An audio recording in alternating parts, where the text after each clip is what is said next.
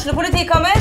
Ine Jansen er purk. Er du purk? The motherfucking bitch. Alt jeg vil, er å finne ut hva som skjedde med mannen min. Jon Carew. Er jeg sikta for noe? Iben Akeli. Det er du. Ole So, Lars Berrum og Big Daddy Karsten. Hvem sin side er du på, egentlig? Anette Hoff, Tone Danielsen, Kommer du fra Afrika?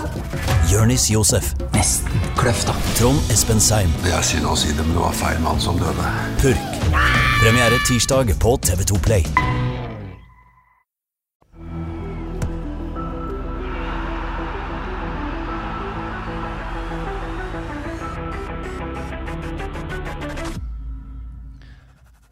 Hei og velkommen til denne bonusepisoden av Frelst. Mitt navn er Terje Flateby. Vi har ett tema i dag, og det er dagens gjest. Han har i mange år vært den soleklart beste lokale fotballspilleren. Han er 29 år, har spilt for Vats, Skjold, FKH, Arsenal, Salamanca, Lillestrøm, Nürnberg, Borussia München-Gladbach, Westham, Fulham og Hoffenheim.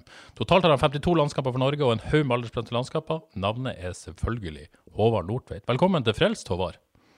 Jo, takk for det. Det var veldig hausing her, da. Ja, det skulle være mangel. Du, fikk jeg med meg alle klubbene dine, eller? Hva hadde jeg glemt? Ja. Det Nei, jeg tror du fikk med deg det meste. ja, for det begynte jo i Vats, det er vi enige om. Ja, det, det tror jeg vi er enige om. Ja. Veldig kjekt at du har lyst til å være med på denne spesialepisoden av Frelst. Eh, Jo. Så må jeg jo spørre, hvor er du akkurat nå? Du har, jo- vært på karantenehotell, du har vært hjemme. Hvor, hva, hvor er du akkurat nå? Nei, foreløpig status er at jeg er i eh, huset mitt her i Nüsseloch, litt utenfor Heidelberg i Tyskland. da. Ja, så du er rett og slett har hjemmekarantene? hjemmekarantene. Hjemmekarantene. Vi, vi var i uke på hotell i siste uke, før første, eller første den kampen vi spilte mot Berlin. Uh, og så har det blitt til at eh, vi fremdeles er i karantene, da, men vi slipper å være på hotell. Men vi har for så vidt nesten ikke lov til å gå ut forbi våre egne dører. Så det sånn. Nei, så det er treningsfeltet, og så er det hjem, rett og slett. Ja. Ja, kan jeg, kan jeg spørre, Hvem gjør sånn praktiske ting for deg? Sånn type behandling i butikken og sånn? eh, Får du levert på døra og sånne ting, eller?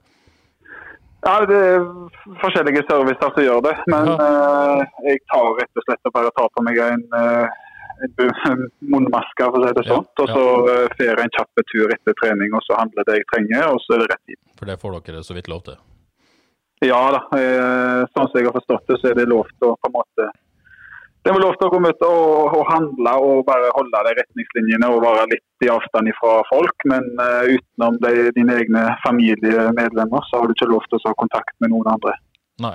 Og du har jo ikke familien der heller, så du, eh, du er på trening, og så er det hjem, og så er det å eh, restituere og slappe av. Det er sånn livet er. Ja, det, det er veldig enkle dager egentlig, sånn sett. Så det, eh, det går mye fokus i det å være på feltet og kunne gjøre litt ekstra i forhold til det å på en måte jobbe for at kroppen skal prøve å holde seg best mulig ut eh, de åtte kampene som gjenstår i Bundesliga. Ja, så må Jeg spørre, jeg, jeg snakka med deg i forrige uke før jeg lagde en sak til Haugesunds Avis, og du sa at du var egentlig ikke så rart dette livet, for du var så vant til det. Er det, er det, er det litt sånn også fortsatt at det, er dette livet du vanligvis lever, så det er ikke så, det, er ikke så uvant for deg? Nei, det har eh, Utenom at jeg ikke har eh, familie, familien i nærheten, så har det vært sånn egentlig de siste 13 årene når jeg har vært i utlandet. Eh, Så det har vært eh, stort sett mye, mange timer på treningsfeltene rundt omkring. Og så har det vært til å komme seg hjem igjen og så gjøre seg klar til neste dag. Så, har, så den syklusen der er jeg ganske godt vant med. Selvsagt så mister jo litt av det sosiale. En kan liksom ikke gå ut og, og spille golf med noen på laget lenger. Det har vi ikke lov til. Eh, på en måte å, å slappe litt av og ikke kun være i den bobla du egentlig er stort sett hele året eller hele sesongen. Så det er litt sånn, det er litt kjedelig, men eh, det er nå eh, forhåpentligvis at det er ikke så all verdens lenge til at det kan normalisere seg, dette her. Får dere lov å på en måte ha den garderobekulturen i, i når dere er på trening, eller bruker dere ikke felles garderobe og sånt? Nei, den felles garderoben er forholdsvis stengt. Den ja. får vi kun til å hente ting og tang vi trenger. Og så eh, har vi egne rom på treningsfeltet som eh, vi benytter med dusjing og, og gjør oss klar til trening. Og så, eh, så er det ut på banen, inn igjen. Og så gymmen er åpen, så den er jo heldigvis kjekk å ha i det tida. Ikke sant? Og der får man på måte, selvfølgelig vært sammen nå på et vis. Så er det liksom de sosiale behovene dekkes litt der, da, på et vis? Ja, da, en, har, en har på en måte fått den, den sosiale biten gjennom det å så på en måte kunne være tilbake på feltet uten å være i gruppevis. og At vi har et slott der vi har to timer hver spiller, og du ser nesten kun kanskje 5% av gruppa eh, hver dag. og Det hadde vi i fire uker. Um, men nå har det de siste halvannen uka så har vi kunnet vært hele laget på feltet og kunne hatt den, den gode, det gode forholdet vi har alltid hatt, egentlig. Så det er godt. Ja, så skulle jo du selvfølgelig, eh, når Bundesliga åpna sist helg, så skulle du jo eh, helst være i aksjon, men så, så fikk du en smell. Eller ikke en smell, men du pådro deg en skade. Hvor surt var det å ikke på en måte få være med til det du har venta på så mange måneder nå? Ja, det, har, eh, det, var veldig kjedelig, egentlig. I alle fall, det, det kunne ha skjedd i starten på, på de ukene vi begynte når vi hadde en fire grupper treningene. Da kunne jeg nå stått over noen treninger. Men når det først ble i det tidsrommet som det ble, så ble det litt kjedelig. For da hadde det vært kjekt å kunne spilt noe mot Berlin hjemme på lørdag som var. Uh, men det er nå tross alt en del kamper igjen. Så jeg, uh, nå er jeg nå tilbake igjen i, i, trening og er egentlig klar for lørdag. Ja, Paderborn borte på lørdag, bunnlaget. Du, du, regner med du er klar, med andre ord? Jeg regner med jeg er klar, ja. Og jeg har et veldig godt forhold til Alfred Schreuder, altså treneren vår. så han Eh, han tror jeg har sansen for meg som person og spiller, og kommer som regel til meg hvis det er noe i, i gruppa. Sånn som det. Så eh, det, det, hjelper å være litt opp i alderen og ha den litt erfaring enn de, de fleste ungguttene på laget. Ikke sant. Uh, og igjen, når jeg snakket med deg forrige uke, så, så trodde du hadde vært på laget da i, i helga hvis du ikke har vært skada. Tror du du er tilbake i elveren da på, på lørdag? Ja, vi, vi, skal jo ha en del formasjonstreninger nå foran de, de to neste dagene. så Eh, siden det ikke var så all verdens eh, bra første kampen etter eh, selvfølgelig ikke ha den rytmen vi er vant med, så, så, kan det godt hende. Men vi har såkalt English Week neste uke. Da har vi kamp igjen på onsdag, så det kommer kamper tett i tett nå. så jeg, jeg vet ikke hvordan han planlegger. Jeg har ikke vært med på fellestreningene oppe i seks dager, så det kan godt hende at, han, at jeg er på benken. Og så starter på, på, mandag, på onsdag neste uke, men det får vi rett og slett bare se. Jeg jeg tar det litt så det kommer. Jeg er, for, jeg er en slags lagspiller og jeg eh, vil alltid det beste for laget sin skyld. Og, uh, om jeg er ute på banen eller på benken, så, så skal jeg i hvert fall prøve å gi det jeg kan og tilbake til, til laget. Ja, og med 0-3 mot Herta, du var inne på at det ikke gikk så bra. Uh, var vel ikke den starten dere over? Kanskje like greit å ikke spille, muligens? ja, nei. Det er alltid kjedelig å sitte på sideling og ikke kunne gjøre noe noen ting når en ser uh, En hadde egentlig en god fase der de første 50-60 minuttene. Jeg følte egentlig at det var greit uh, inne i kampen, men så, uh, så, ble det problemet som vi har hatt store deler av sesongen, at vi ikke utnytter sjansene våre. Så blir, blir vi ett mål bakpå, og så blir det til at vi har lyst til å skåre mål de neste to-tre minuttene. og Da åpner det seg opp bakifra hos oss. Um, så um, det er kanskje det, det hadde trengs med en, uh, en litt mer uh, sånn, skal jeg si, en eldre garde bak der, som på en måte kunne holdt litt mer tak i, i søylene. Får se om treneren tenker likt med deg på, på lørdag, rett og slett. Men eh, var du eh, det, det, er jo selvfølgelig veldig begrenset hvem som får lov å være på disse kampene. Fikk du lov å være på stadion og se kampen, du, eller måtte du se den på TV? Nei da, jeg måtte se den på TV. Det det er egentlig kun uh, troppen som har lov til å være der. Og så er det forskjellige soner. Det er sone 1, 2, 3. Sone 1 er spillerne. Sone 2 er, er spillerne på benk og trenerne. Og så er sone 3 på, uh, på tribunen litt lenger oppe. Der sitter på en måte sportsdirektørene og de tilreisende fra det administrative på bortelaget. Mm. Uh, så det er ganske, ganske skralt på, på stadionene, ja. Ja, Hvordan uh, har du snakka litt med det? Det var jo litt spesielt selvfølgelig uten tilskuere, vil jeg tro. Uh, har du snakket med lagkameratene om det, hvordan de opplevde det å, å, spille på den måten? Kamper på den måten? Ja, det er ikke, det er ikke aldeles uh, givende å spille for tomme tribuner. En får liksom ikke noe det, det ekstra givet. og det merker jeg egentlig selv når vi ser det på TV òg. Altså, det, det, er dødt. Det er akkurat som å se på en vennskapskamp. og Det tror jeg nok det føles ut som å spille òg. Du, du, hører alle som snakker rundt på banen, noe som en normalt sett ikke gjør. og Så, så blir det en sånn ganske merkelig atmosfære på stadion. Men eh, det må vi bare venne oss til nå framover. Så det, det, tror jeg det kan bli en god stund til det blir fulle stadioner igjen. Ja, det er rett og slett noe man må, må takle for å prestere, på et vis. Ja, absolutt. Mm. Så, så, var du inne på, hvis vi skal spole litt tilbake, du var inne på at du har levd dette livet i 13 år, sa du. Hvis vi spoler 13 år tilbake, så er du 16 år. Du har levd Når, når vil du si at du, du begynte å leve som en toppidrettsutøver? Hmm. Nei, jeg måtte jo forandre litt på saker og ting da jeg flytta litt for meg sjøl der i Haugesund, når jeg gikk på Holgårdsen. Men det var jo ikke i nærheten av på en måte hvordan langt vekk en bor fra familie og sånt nå. Men, så jeg fikk jo litt smaken der, da, hvordan en måtte handle ting og tang. Det var ikke til å komme hjem til dekka på bordene fra Namams og middagen sto klar.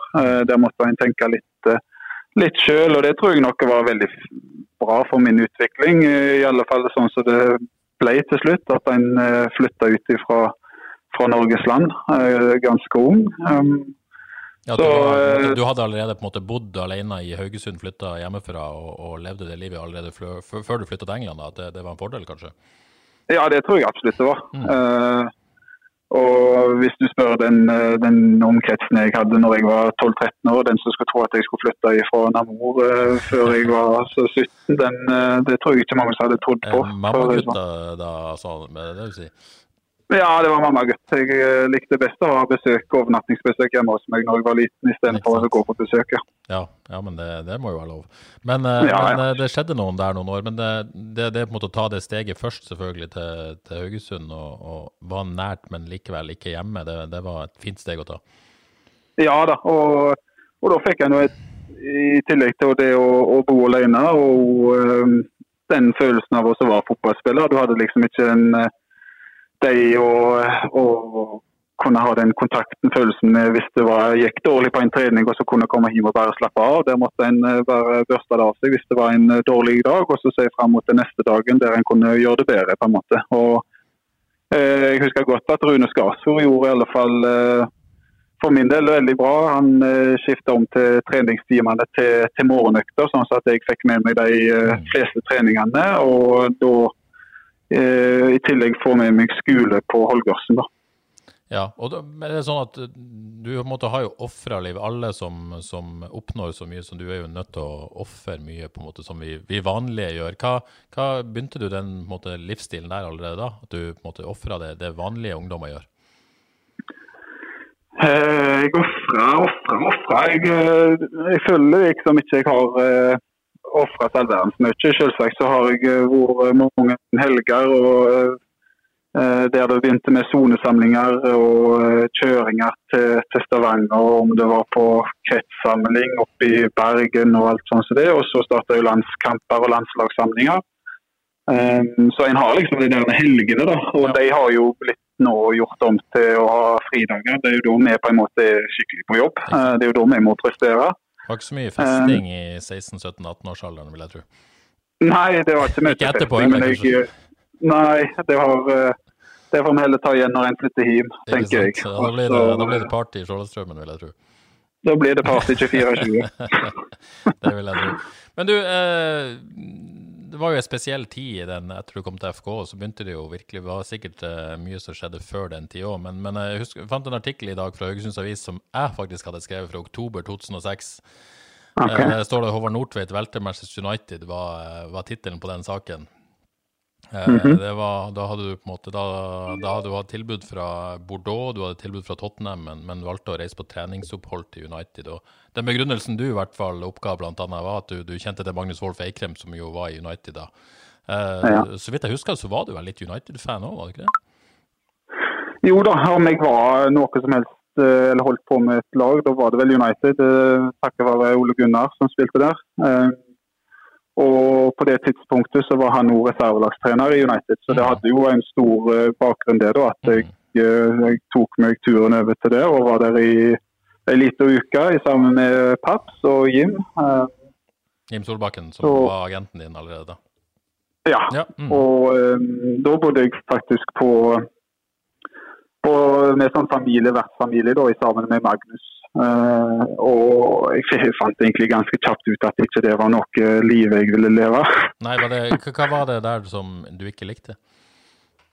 Nei, jeg vet ikke. jeg. Det var, det var litt sånn at en, eh, en hadde mye organiserte ting. da, på En måte. En måtte være klar eh, klokka åtte om morgenen, og da sto det en buss, en, sånn, en slags minibuss på, på utsida av døra med flere av de akademispillerne og reservelagsspillere som kjørte til feltet. og Så var vi der fram til eh, klokka tre, tror jeg, og hadde så å si treninger og spiste mat. Og så etter det så var det i to timer til en, en slags privatskole da, som de hadde på feltet.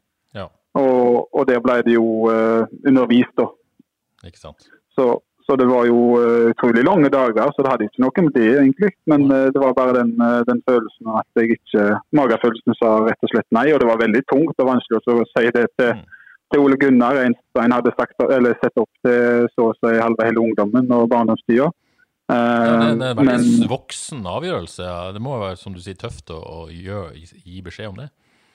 ja, det, det husker jeg jeg grudde meg litt til for å si til både både Paps og, og Jim, men uh, de, de visste sjøl at hvis jeg uh, Det var jeg som bestemte dette her til syvende og sist, så da ble det til at jeg, eh, jeg valgte å være i FKH en eh, liten periode til. Ja, så jeg skal jo nevne at Det kom jo et bud da fra, fra, fra United på det. FK sa jo nei på det tidspunktet, var ikke fornøyd. eh, Så, så klubbene ble jo aldri enige heller.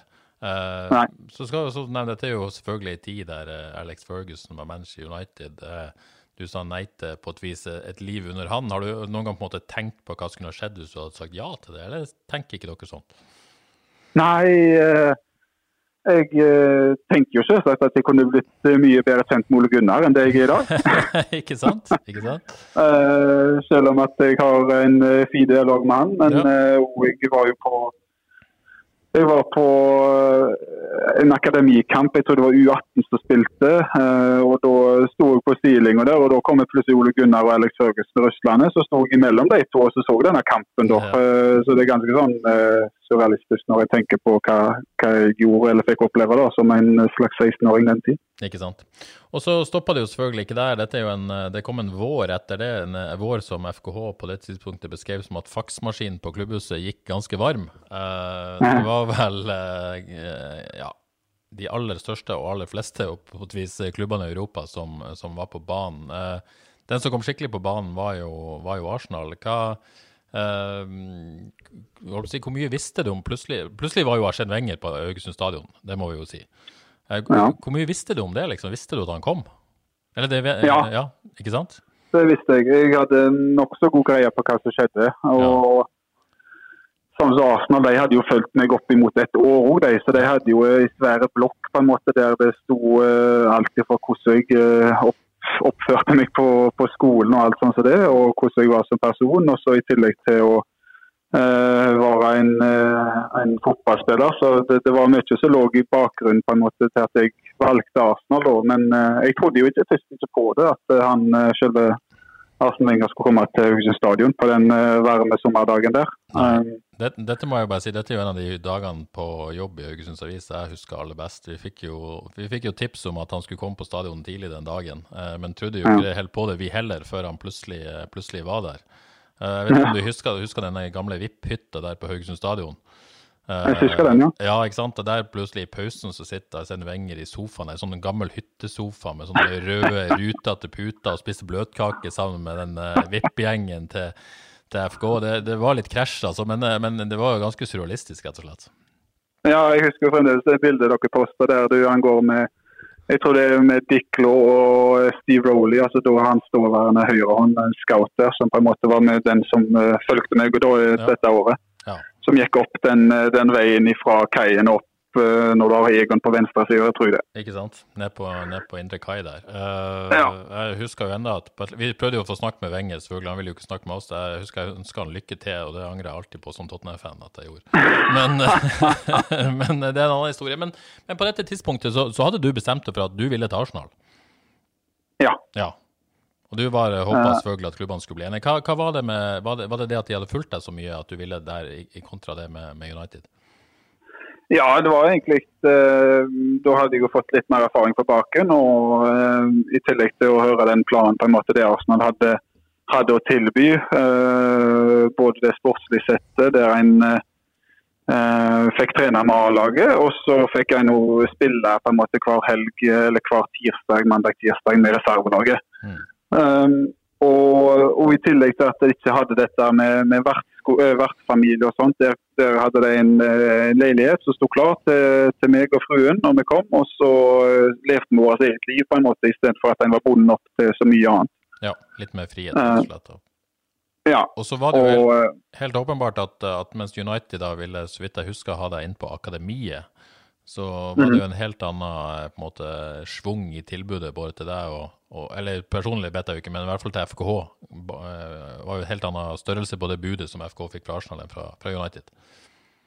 Ja, det kan jeg huske til hva budet eh, United kom med, men i alle fall som så var det i alle fall det jeg så på den tida, var at det sportslige å kunne få lov til å trene med de store stjernene, verdenskjente folk på en måte, og hadde fantastiske kvaliteter og på en måte kunne lære av dem. Så det var jo det en, en så. og det var, jeg var egentlig veldig godt fornøyd med at en eh, ikke sånn sett, men en takka nei den gangen til United. Og så når en fikk den muligheten til å gå til, til Arsenal, så er det jo to selvsagt svære klubber. og Eh, men en angrer ikke på det. Det var, som jeg ofte sier, at en tok eh, en lærte, gikk det barnehagetrinnet i Arsenal Akademi eller Arsenal reservelaget til å ta det andre, neste steg ut i den store, store europeiske fotballverdenen. Mm. Før vi går litt til Arsenal. Det å være 17 år og være ettertrakta i hele fotball-Europa, hvordan husker du hvordan det føltes? Hva, hva, tenkte du på når du la deg om natta? liksom?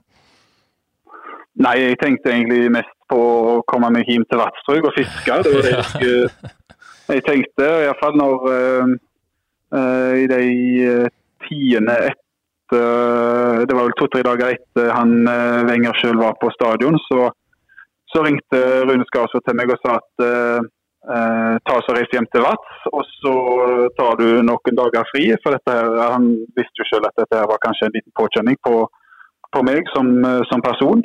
Uh, men uh, der og da så tror jeg ikke jeg helt uh, fikk med meg hvor egentlig stort det var.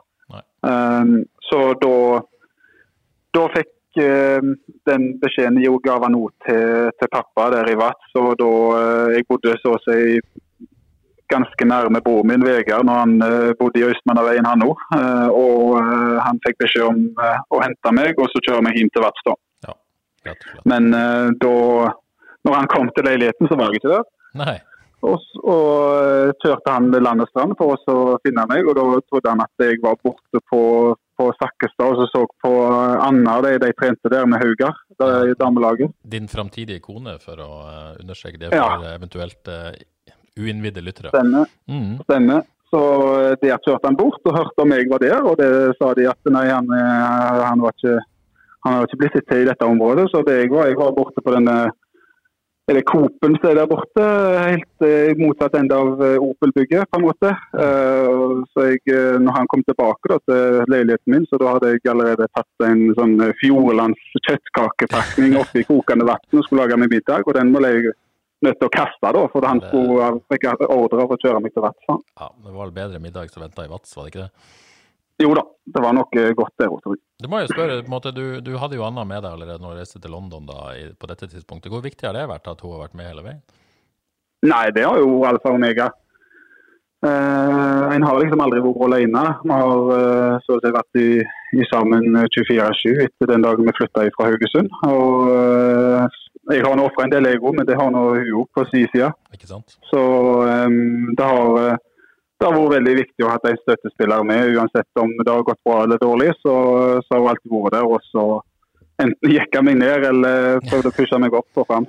Ja, har du vel trengt å jekke ned noen ganger? altså?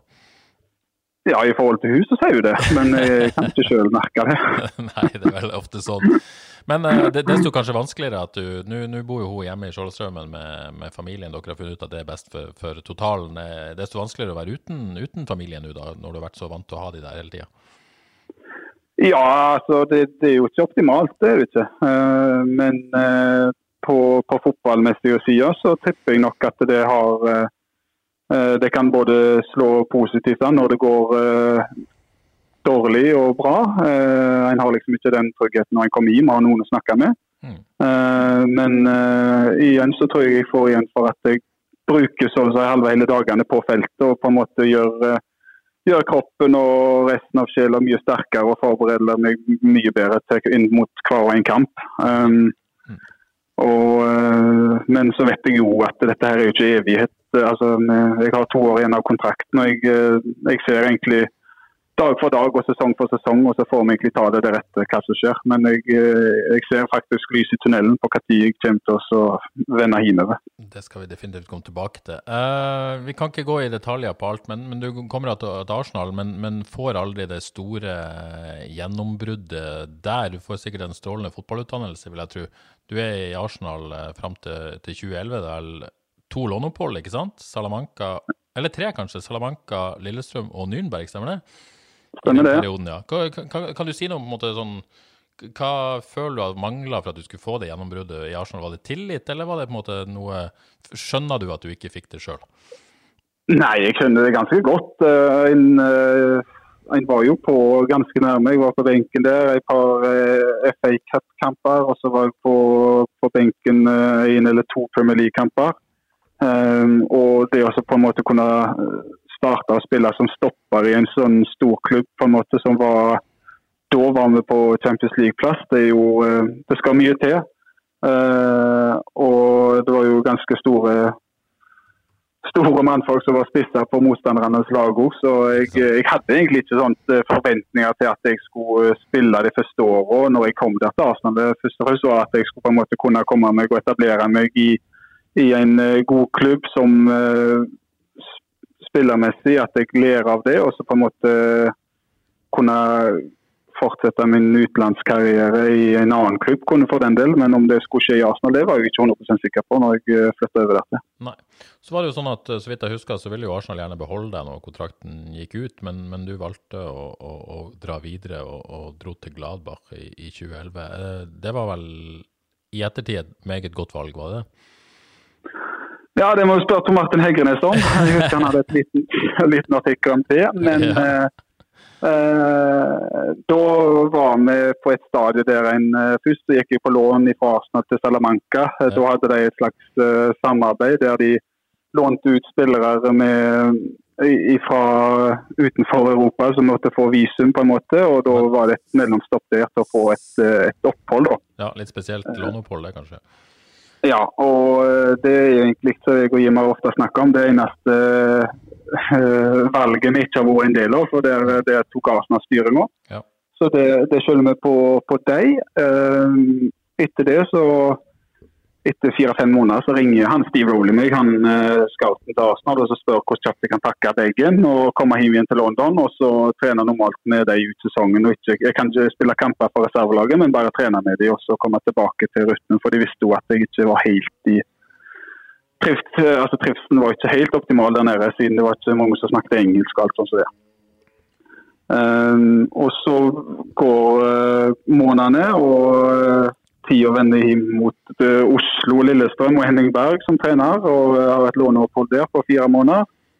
Eh, dette var, dette var vel etter jula en gang. Og så når det blir sommer, da, eh, så ringer Jim og sier at Nürnberg vil ha meg på lån til Bundesliga.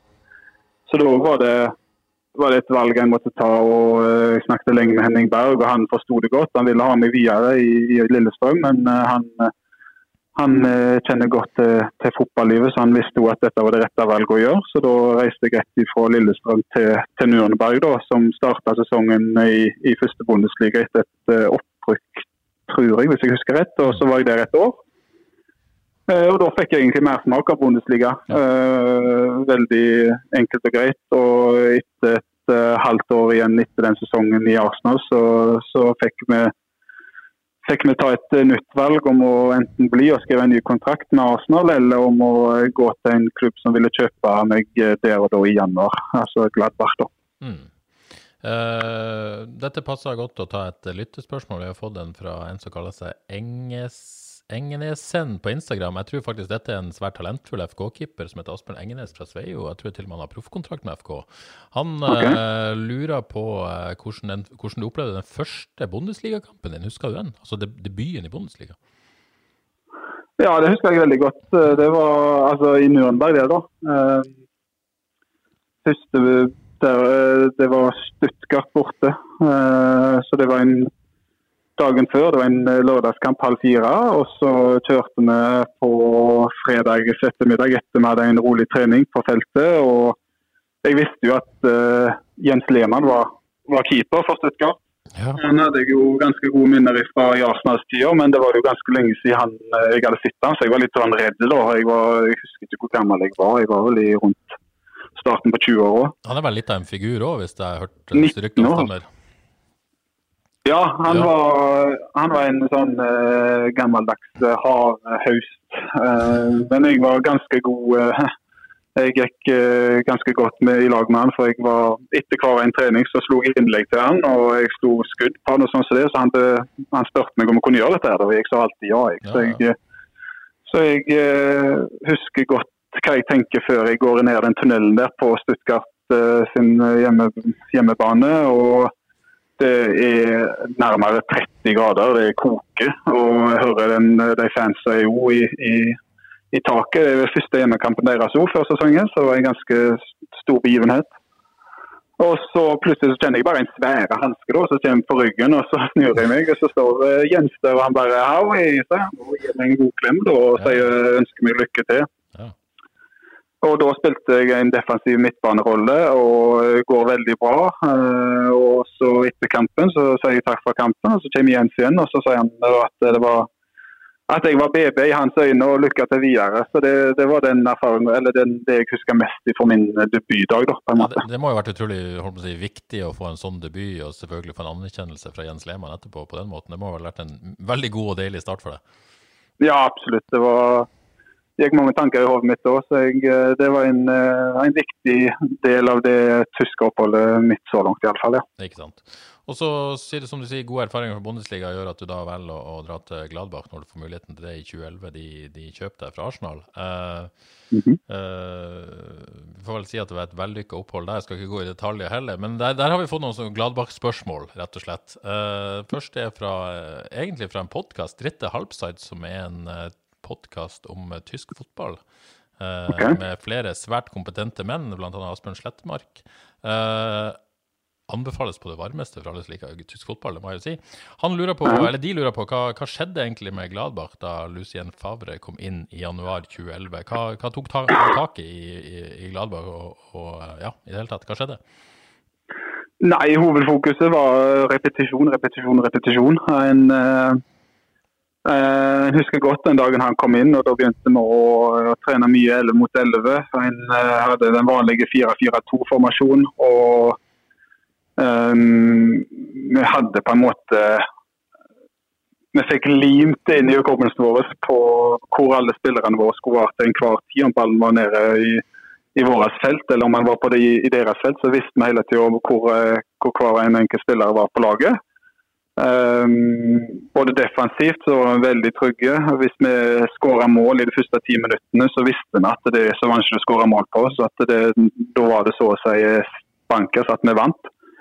Eh, og I tillegg så hadde vi den uh, hjemmebane eh, fordelen på Borussia Park. Der er det ja, som jeg husker nå, er det fremdeles ganske vanskelig å vinne eh, på Borussia Park. Men eh, i alle fall i de tidene der, så, så fikk vi en liten sånn revolusjonsendring òg i spillerteamet. Der eh, fikk eh, Ter Stegen sitt gjennombrudd. Um, eh, Royce Marco fikk sitt gjennombrudd i Bundesliga, og så flere unge spillere på en måte som, eh, som tok det neste steget. da.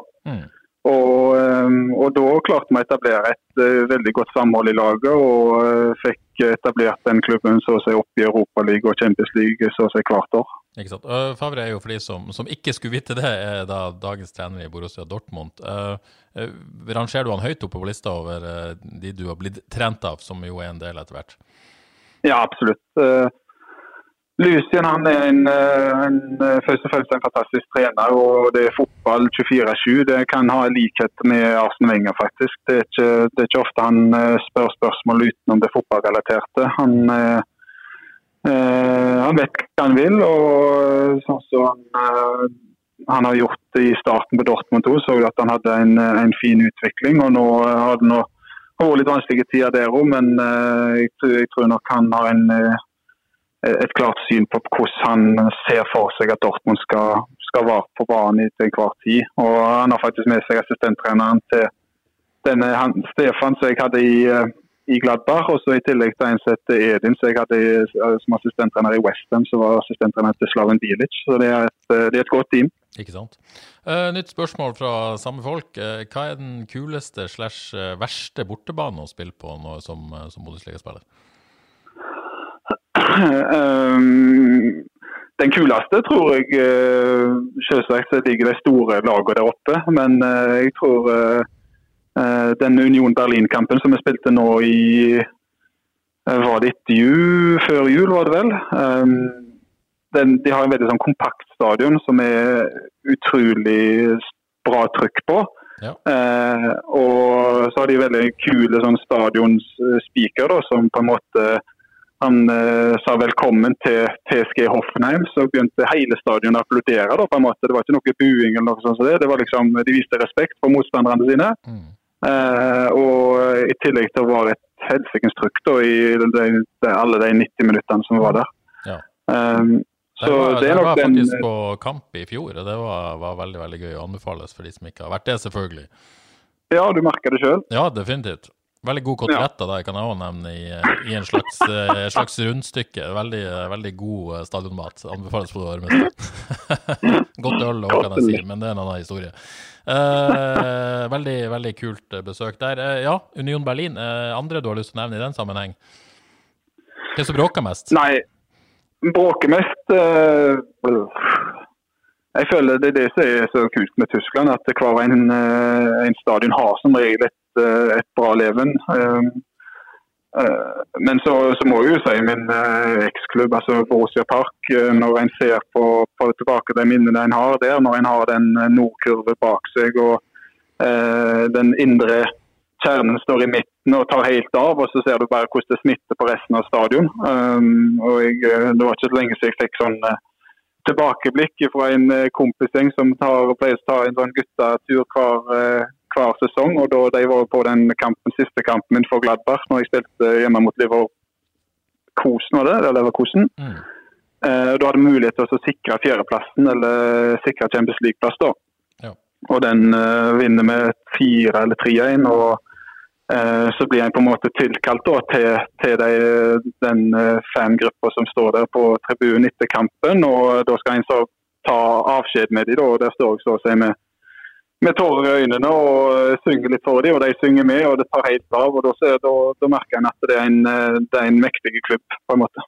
Ikke sant. Eh, da passer det bra med, med, et spørsmål fra Gard på Twitter, som helt åpenbart er Gladbach-supporter. Han lurer på hvorfor i all verden du gikk fra Gladbach når det gikk så bra, og om du, ja. du savna klubben og, og angrer på at du tok det valget på det tidspunktet? Ja, både òg. Det har uh, vært tider der jeg angrer, uh, men òg tider der jeg uh, ikke angrer. En, en var, det var jo ikke evig, denne karrieren en holder på med. Og da, Den, den timinga som var der og da, det var at Slaven Bilic ville var veldig interessert og så få meg til Westham. Jeg husker det gikk flere måneder. Jeg måtte gå rundt meg selv flere ganger. Jeg var oppe til Max Ebel, sportsdirektøren på kontoret hans. og var så å si på gråten nesten hver gang, for jeg visste ikke helt hva jeg skulle gjøre. Uh, og han uh, var nesten på gråten, han òg. For han uh, har hatt et godt forhold med jeg og han de fem og et halvt år jeg var der i klubben. så når den endelige avgjørelsen ble tatt, så, så var det veldig, veldig tungt. men jeg kan i alle fall se tilbake på at den, den tida som var der, var helt, var helt magisk. og Det kommer nok jeg aldri til å til å glemme, på en måte. Iallfall den, den første halvsesongen når jeg kom dit, når vi var spådd ned til andredivisjon. Og eh, så klarte vi å snu den båten til å spille den kvalikkampen mot Bochum og så vinne den. Og så holde oss i første Bundesliga. Og etter det så gikk det bare én vei, og det var opp. Mm. Gahr lurer jo også veldig på hvordan det var å spille med, med Tonny Janske, Mark André Testegen og Patrick Herman. Og så lurer han på om det andre fra, fra Gladbach enn Oskar Wendt, som du fortsatt har kontakt med. Du trenger ikke svare på det første, men eh, ja, ja, det for del. svar på det du vil. Ja, du har jo uh, Tony Janske og så Flakko. Det er han eh, Patrick Herman, han kaller Flakko. Og så har du Terstegen. Terstegen var en av de første jeg kom i kontakt med, faktisk. Han uh, Den første veka der så hadde vi mye sånt to og to trening i gym og på, på banen. Da, da, var det jeg og han som uh, fant tonen ganske bra kjapt sammen. og uh, Jeg forsto ganske kjapt at det kom til å bli noe ut av han, for han var uh, både sånn beinmessig, det ser jeg en dag i dag, at han, om han slår med høyre eller venstre, det spiller egentlig ikke rolle. Og uh, det han gjør på streken, det er fantastisk å se på. Um, hvem jeg har kontakt med i dag utenom Oskar. Jeg har ikke all verdens kontakt med Oskar. Han, han, er litt sløv der, for å være ærlig. Han, jeg kan så snakke med han i, i noen minutter, og så plutselig så svarer han ikke på to uker, og så kommer han tilbake til deg. Um, men uh, Lars Stindl har jeg litt kontakt med. Han, uh, han kaptein til, til Gladberg. Og så uh, han keeperen Jan Sommer snakker jeg med litt av og til. Så det er sånt, Du har alltid kontakt med liksom, de du har brukt så mange timer i din karriere sammen med, så du, du glemmer aldri det. Ikke sant. Og så, så mener da også Gara at vi må snakke om at du er den eneste norske spilleren som har skåra på alle de tre VM-keeperne til Tyskland i 2014. Dette er veldig, veldig fun fact, vil jeg si. Det var altså, I, i de tre VM-troppene til 2014 var Manuel Neuer, Ron Robert Zieler og Roman Weidenfeller. Og du har da, ifølge Gahr, skåra på alle tre. Ja, det er ikke gale. Nei, det er ikke gale. det, det, Nei, det visste jeg ikke. Jeg visste, jeg visste iallfall at jeg skåra på, på Neuer, men uh, de, de to andre der, det, det hadde jeg eh, glemt. Nei, Jeg har ikke sjekka om dette stemmer, men vi stoler på Gard, vil jeg tro. Det stemmer sikkert. Det, det stemmer helt sikkert. Yes, suksess og et fint opphold i, i Gladbach, men, men, du velger å ta turen ut av kontrakt og, og velger å, å, dra til Premier League og Westham. Selvfølgelig plutselig mye oppmerksomhet i, enda mer oppmerksomhet i norsk media når vi snakker om Premier League og det forholdet vi har til deg. Fortell litt om den, den overgangen der. Hva, hvordan, hvordan, tenkte du og dere og de rundt deg rundt det? Nei, eh, det var egentlig ganske straight forward. Altså en, uh, hadde en klubb som var veldig, veldig keen på, på, å få meg til klubben. Um, jeg reiste over sammen med Jim og hadde samtaler med dem, og det jeg fikk inntrykk av var, var veldig bra. Så um, som jeg sa, det var ikke lett valg, men uh, når jeg endelig tok den beslutningen, så, uh, så har jeg ikke noe angra noe overhodet den, den, dag i dag. Det var en fantastisk erfaring. Det var en hard, hard sesong, noe som på en måte en kunne uh, se, kanskje, før den, uh, de hadde den fantastiske sesongen på Upton Park der. Uh, det var siste sesongen deres der òg. Så skifta vi stadion til Olympic Stadium. det ble mye negativt omtale for at ikke den stadion hadde det samme trykket som den gamle. Og jeg fikk jo aldri oppleve hvordan det var å spille på den, men det kan jeg godt uh, forestille meg. Iallfall det inntrykket jeg fikk av de andre spillerne. De, uh, de kollegaene som jeg spilte med da. Um, så det var mye som ikke, som ikke, stemte da. Så det ble jo en tøff sesong, det gjorde det. Og så toppa seg i når det ikke gikk så bra i mange av de kampene. Og så ble en spilt i off position, men allikevel så, så, så, kan jeg se tilbake på den tida som en innholdsrik tid og sånn fotballmessig erfaren tid. Mm. Det er vel ikke noe sånn overdrivelse å si at det gikk ikke helt etter planen i Vestheim. Vil du si at det er på en måte omstendighetene med klubben der de var akkurat nå, du ble spilt på, ut av posisjon, eller, eller, på en måte er det omstendighetene, eller er det dine prestasjoner, eller er det en miks av det som gjorde at det på en måte ikke gikk veien? Nei, jeg skal ikke legge under, jeg skjuler ikke noe. Jeg har uh, jeg vet ikke godt selv at jeg kunne prestert opp mot uh, mye bedre for de kampene jeg, uh, jeg spilte i den posisjonen jeg ville spille i òg. Men nå så, så, var det en, en vekker på at det kanskje Premier League ikke passer meg som spiller. Og da når uh, vi satte oss ned, da, jeg og Jim, i den uh, sommeren etter den første sesongen, så, uh, så snakket vi litt om at jeg sa at jeg savner Bundesliga. og han sa at det var noen klubber som var interesserte. men det, det, var, det, er jo ikke absolutt noe sånt som det har blitt framvist i media ettertid, at på en måte klubben betalte for å bli kvitt meg. Det er jo ganske, ganske bisart å se og tenke på eller høre med sånne ting beskrevet. Ja, det, hvis vi skal ta det, da. Det var jo på en måte mye fokus på penger eh, i, i denne perioden når du på en måte forlot Westham. Eh, først kan du ta, Det var jo rapportert at du, du tjente mellom 30 og 40 millioner i året i Westham og var den best betalte norske idrettsutøveren på det tidspunktet. Har du noe, hva, hva sier du til det?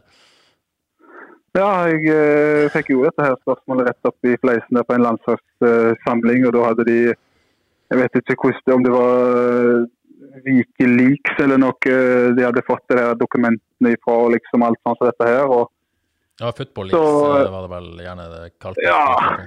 Mm. Og eh, nei, en, eh, en, tenkte ikke så all verdens mye på, på, akkurat det de skrev der og da. En, Uh, da så tenkte jeg heller egentlig mer på, på det positive. At en, uh, alt, det, alt jeg har lagt ned for å på en måte oppnå den karrieren jeg har uh, sammen med familien min oppnådd, så, så, så syns jeg det alt kommer til, til, Ikke til sin rette, men du får alltid som fortjent på en måte til, til syvende og sist. Ja, Så du på en måte vil ikke si noe om det stemmer eller ikke, på et vis? Nei, det har, eh, og det har jeg nå flere ganger sagt at uh, alle sånne sånne ting så det holder jeg meg vekk. og Hvis jeg skal begynne å diskutere det mot uh, folk på en måte som ikke har noe innsyn på hva som har skjedd, det, det blir bare feil. og da, da blir det igjen mistolka, og så ser det ut som at jeg er en slags grinung og alt sånt som det. Så jeg, uh, De får heller bare skrive så mye de vil om at de tror uh, klubben og Western ville selge meg, bli kvitt meg og sånn som det. Det får være deres sak. og så ja, for det, det, den episoden du tok opp først, er jo at eh, måte, når, du, eh, når, du, gikk fra Westham til Offenheim, så, så skrev i hvert fall uh, VG var det vel i forbindelse med etter Football Leaks at du fikk veldig godt, betalt i denne sluttpakken. Uh, mm. I tillegg til at da Hoffenheim betalte, det, betalte en fin overgangssum. Uh, hvordan opplevde du på en måte det, det kjøret der? Var det, var det ubehagelig, eller? Ja, altså, men ubehagelig er alltid når en for, eh, for seg mot uh, opplysninger uh, tildelt til deg selv som du ikke helt vet hvor folk har fått det ifra. Og så når det ikke helt stemmer, så, så blir du litt sånn skremt på en måte at det, det, det, er mye farligheter der ute.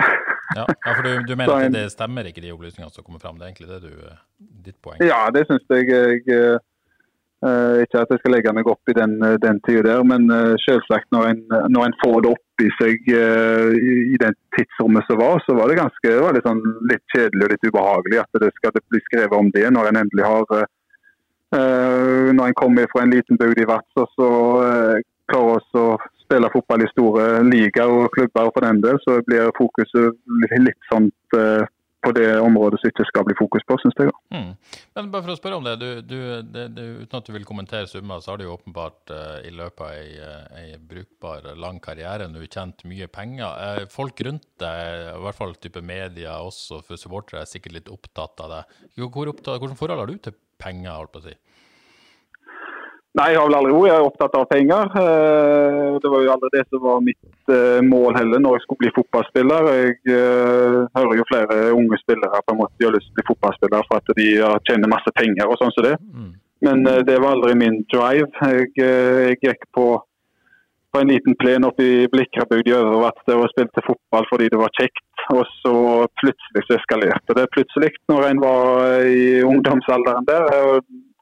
Jeg jeg fikk liksom aldri med meg at jeg uh, hadde et uh, visst potensial til å kunne bli en slags uh, fotballspiller i utlandet når jeg var 13-14 år. Da. Og jeg hadde veldig lite anelse om hva som, hva som venta, for å si det sånn. Ja, Det er ikke det som har vært motivasjonen din, for å si det sånn. Men faktum er jo da at du har, du har tjent mye penger. Du har investert litt i eiendom, og du du er i hvert fall deleier i et lokalt treningssenter i Haugesund, får vi si.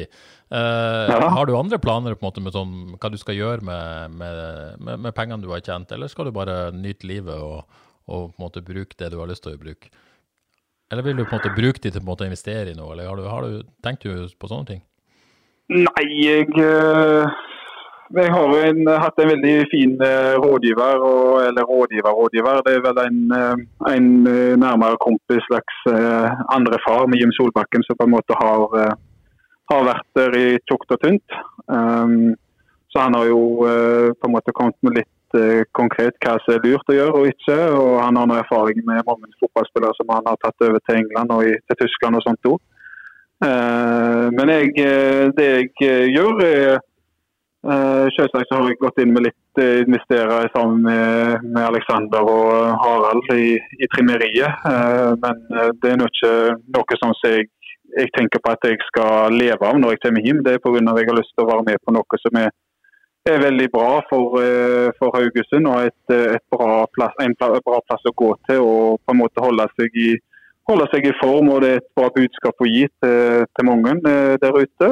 Um, og, eh, så jeg har nå har ikke akkurat all verdens Jeg er ikke sånn på aksjemarkedet der jeg går hver dag og sjekker hva jeg, skal, hva jeg skal investere i. Men jeg har vært heldig i det jeg har investert i. Så jeg, eh, akkurat pengemessig så, så klarer vi oss ganske greit med en, med en grei årslønn i, i Norges land. Og det en bare betaler ned på på ting og tang, og at vi har råd til å ha mat og kanskje en liten ferietur i løpet av et år og i lag med familien, da, tror jeg vi skal være veldig fornøyde.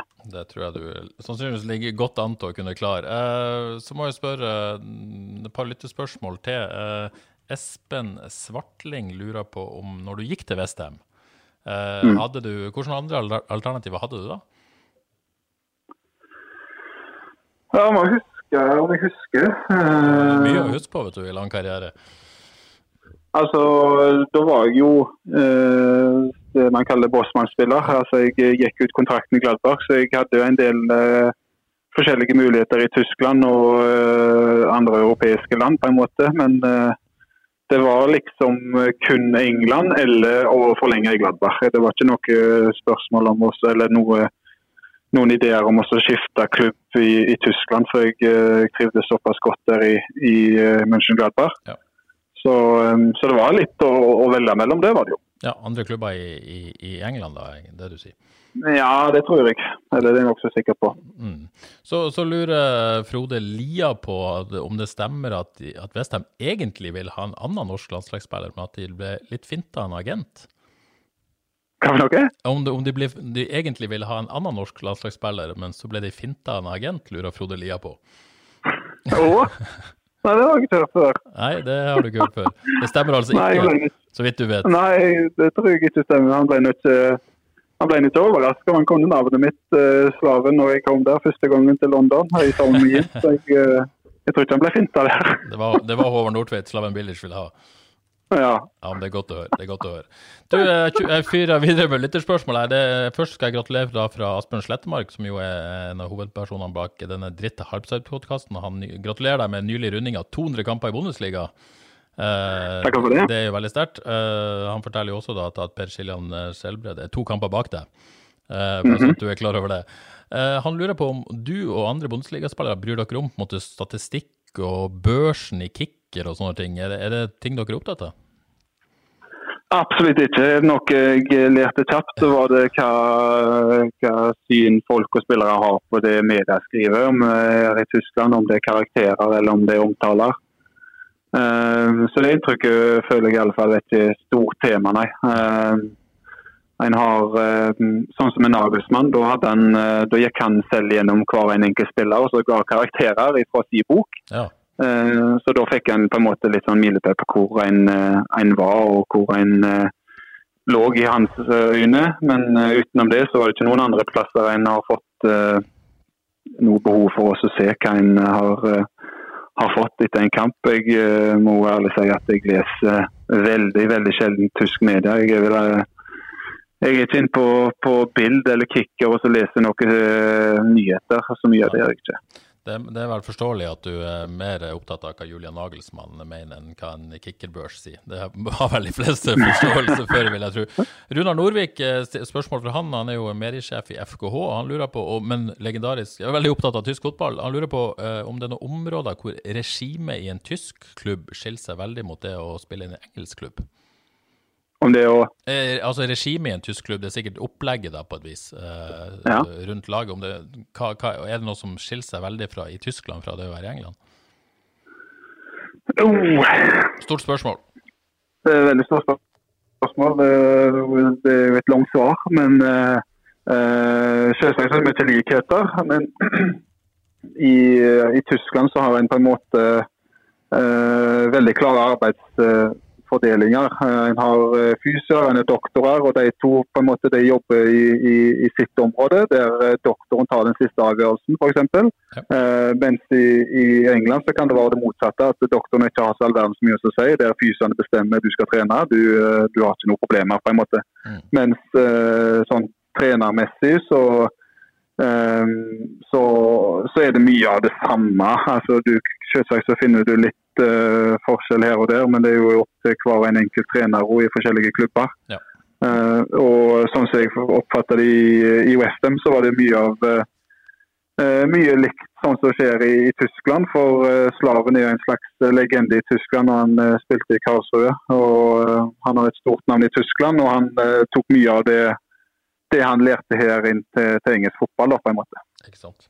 Så et litt lettere spørsmål. Kanskje EH Morgensen kaller han seg på Instagram. Han lurer på hvem eh, er den beste spilleren du har spilt med?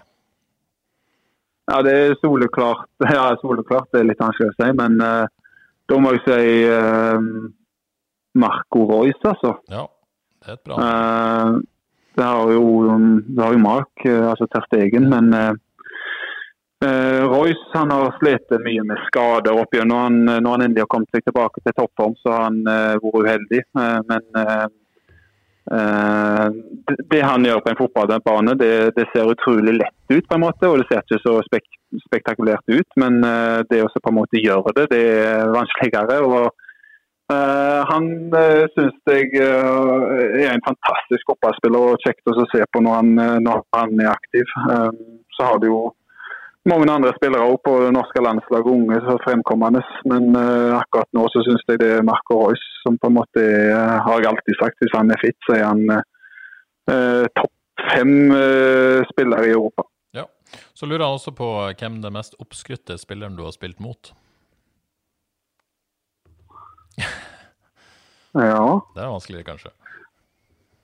Det var en del eh, spillere i Tyskland på en måte, der, eh, du, som blir hausa opp pga. Jeg trenger ikke si navn, men de blir hausa opp i tysk media pga. at de er tyskere. Og så, eh, så blir de snappa opp av eh, store klubber som Bayern og sånt. Um, Her, hadde- her hadde det eh, vært veldig bra med et navn, kjenner jeg. Ja, eh, men eh, de får liksom ikke det gjennombruddet da i, Ja. i, i de klubben, eller klubbene de er i. Så, eh, men eh, sånn rett og slett navn, det kan jeg ikke si. Det blir for dumt, altså. Det, det skal, du skal få lov å slippe unna med det. Du Håvard, vi nærmer oss slutten, men før vi gir oss her, så, så litt om framtida. Du har jo kontrakt med Hoffenheim eh, fram til sommeren 2022, så vidt jeg vet. Eh, planen er vel å gjennomføre den, er det ikke det? Jeg Har ikke hørt noe annet? Nei, jeg har ikke hørt noe annet. Jeg uh, hadde en samtale med treneren for ikke altfor lenge siden. Han, uh, han ville absolutt ha med meg videre, og at det er en, en viktig del i, i laget, sånn sett. Uh, så er veldig betryggende. eh, og jeg føler meg ganske veldig bra her i, i klubben og Hoffenheim jeg er. Veldig sånn fin klubb og familiært og alt sånt som det. Så det eh, så spørsmålet er om jeg tar eh, og går ut kontrakten, eller om jeg, eh, om jeg tar, eh, tar det rett og slett sånn som det kommer. Hvis det går eh, til skeis alt i hop, at det blir eh, skada på skada på skada, så hadde det vært kanskje kjekt å eh, reise litt hjem tidligere enn planlagt. Men akkurat nå så, så føler jeg meg ganske fin og frisk til at jeg skal klare to år til, selv om at det, det er lenge til å være fra unger og familie og sånt. Men Ja, det er det tyngste har si med å måte, gjennomføre det. Det, det, det er det jeg må savne der. Ja da, absolutt. Eh, nå har det nå vært en eh, stund siden jeg har sittet, og det blir mest sannsynlig eh, en, en god del uker til siden dette her karantenegreiene holder på. Um, eh, så i slutten av juni så håper jeg på at vi får en i alle fall en grei ferie. Ikke at den blir altfor lenge, men i alle fall at jeg kommer meg hjem og så ser ungene mine og vise at uh, pappen deres er fremdeles her. Og, uh, og så tar vi egentlig prøver å samle litt energi til å ta en ny sesong. Så jeg tar uh, sesong for sesong, og så vender jeg snuten inn i det. Ja, så er det jo mange som lurer på dette med hjem. Både Tommy Kismul, Per Espen Pedersen og Bjarne Mathias Sand er veldig spent på når du kommer hjem, og om det da blir spill i FKH. Hva, hva er latest news der?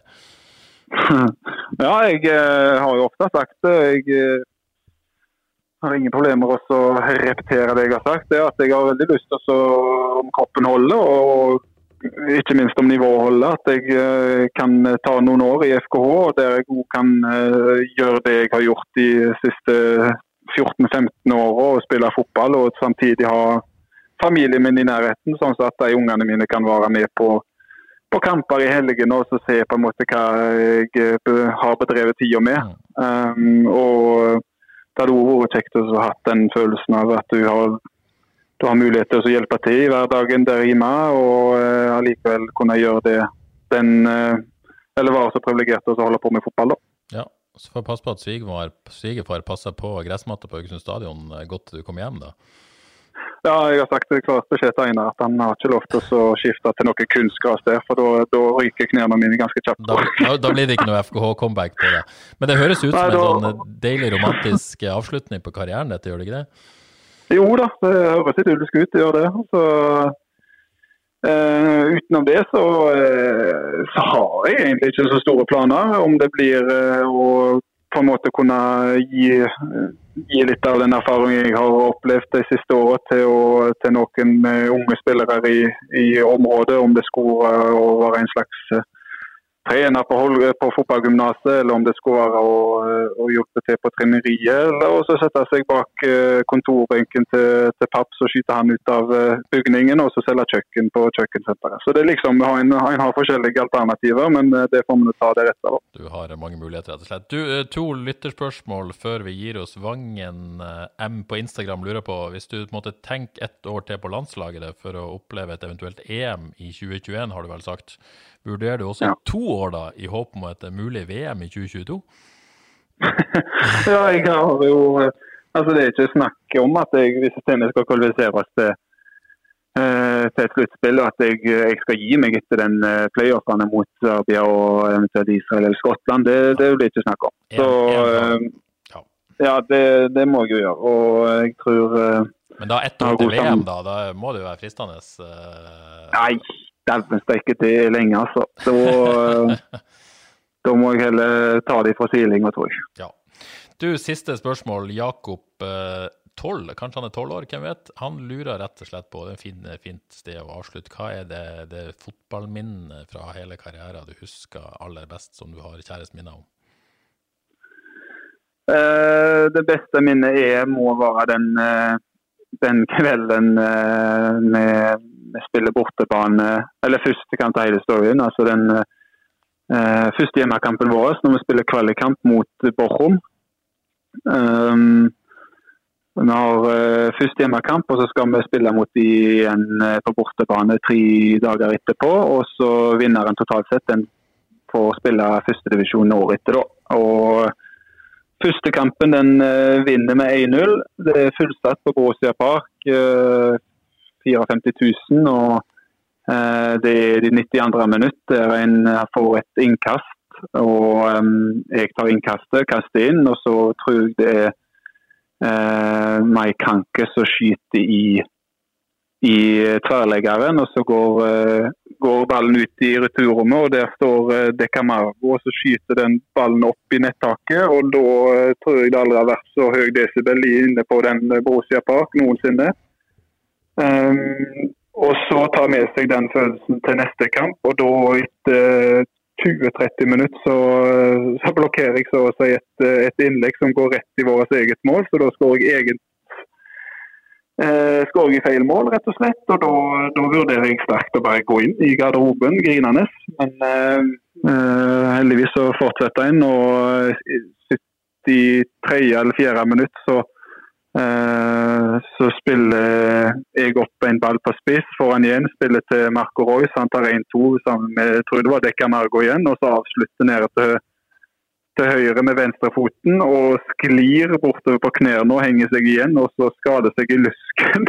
det, det driter han i, og spiller resten av 20 minuttene med strekk i lusken. og eh, Vi klarer å berge den plassen i første, altså første Bundesliga. Og eh, den, den, turen tilbake til treningsfeltet der det, i bussen, der tror jeg eh, den vil jeg sent glemme. Eh, det har en vært et halvt år i, i hardt harde dager, harde helger der en får beskjed om før hver kamp at en, eh, en må vinne kampen. Hvis ikke så er vi så å si døde, som han sa, Lucien Favre. Eh, så det er, det er nok det aller beste minnet jeg har fra min utenlandskarriere så langt. Det var et veldig fint minne, Håvard. Og en fin avslutning på denne bonusepisoden av Frelst. Tusen, tusen takk for at du var med oss i drøyt godt over en time, Håvard. Tusen takk. Ingen problem. Bare og, hyggelig, du. Og lykke til videre, og ikke minst mot uh, Paderborn til, på lørdag. Takk for det. Ha det bra. Det var det vi hadde i denne bonusepisoden av Frelst. Og så er vi tilbake uh, rett og slett med en ordinær episode førstkommende mandag. Ha det bra.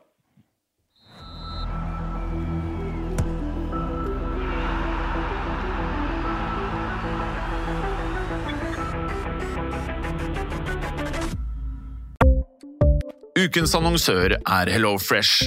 HelloFresh er verdens ledende matkasseleverandør og kan være redningen i en travel hverdag. Mange av oss har nok vandret i butikken både sultne og uten en plan for middagen, som ender med at vi går for de samme kjedelige rettene gang på gang. Middag burde være dagens høydepunkt. Som HelloFresh kan du nå velge mellom 25 ulike retter hver eneste uke, eller få HelloFresh til å sette sammen menyen for deg. Dette gir deg muligheten til å prøve nye og spennende retter alene eller sammen med familien. Du velger antall porsjoner og får alt levert på døren på et tidspunkt som passer for deg. Oppskriftene er enkle, og maten er lett å lage både for store og for små. Ved å få alt levert hjem får du også mer tid til å dele matgleden med familie og venner. Kanskje det frister med asiatiske tacos eller greskinspirert kylling? Da kan jeg anbefale deg om å gå inn på hellofresh.no. Her kan du bruke koden FOTBALL og få opptil 1779 kroner i rabatt på de første fem matkastene hvis du ikke har prøvd Hello Fresh tidligere. Du kan også bruke rabatten hvis du har vært kunde og stoppet abonnementet ditt for tolv måneder siden eller lengre. Gå inn på hellofresh.no og bruk koden FOTBALL. Har du et enkeltpersonforetak eller en liten bedrift? Da er du sikkert lei av å høre meg snakke om hvor enkelt det er med kvitteringer og bilag i fiken, så vi eh, gir oss her, vi. Fordi vi liker enkelt. Fiken superenkelt regnskap.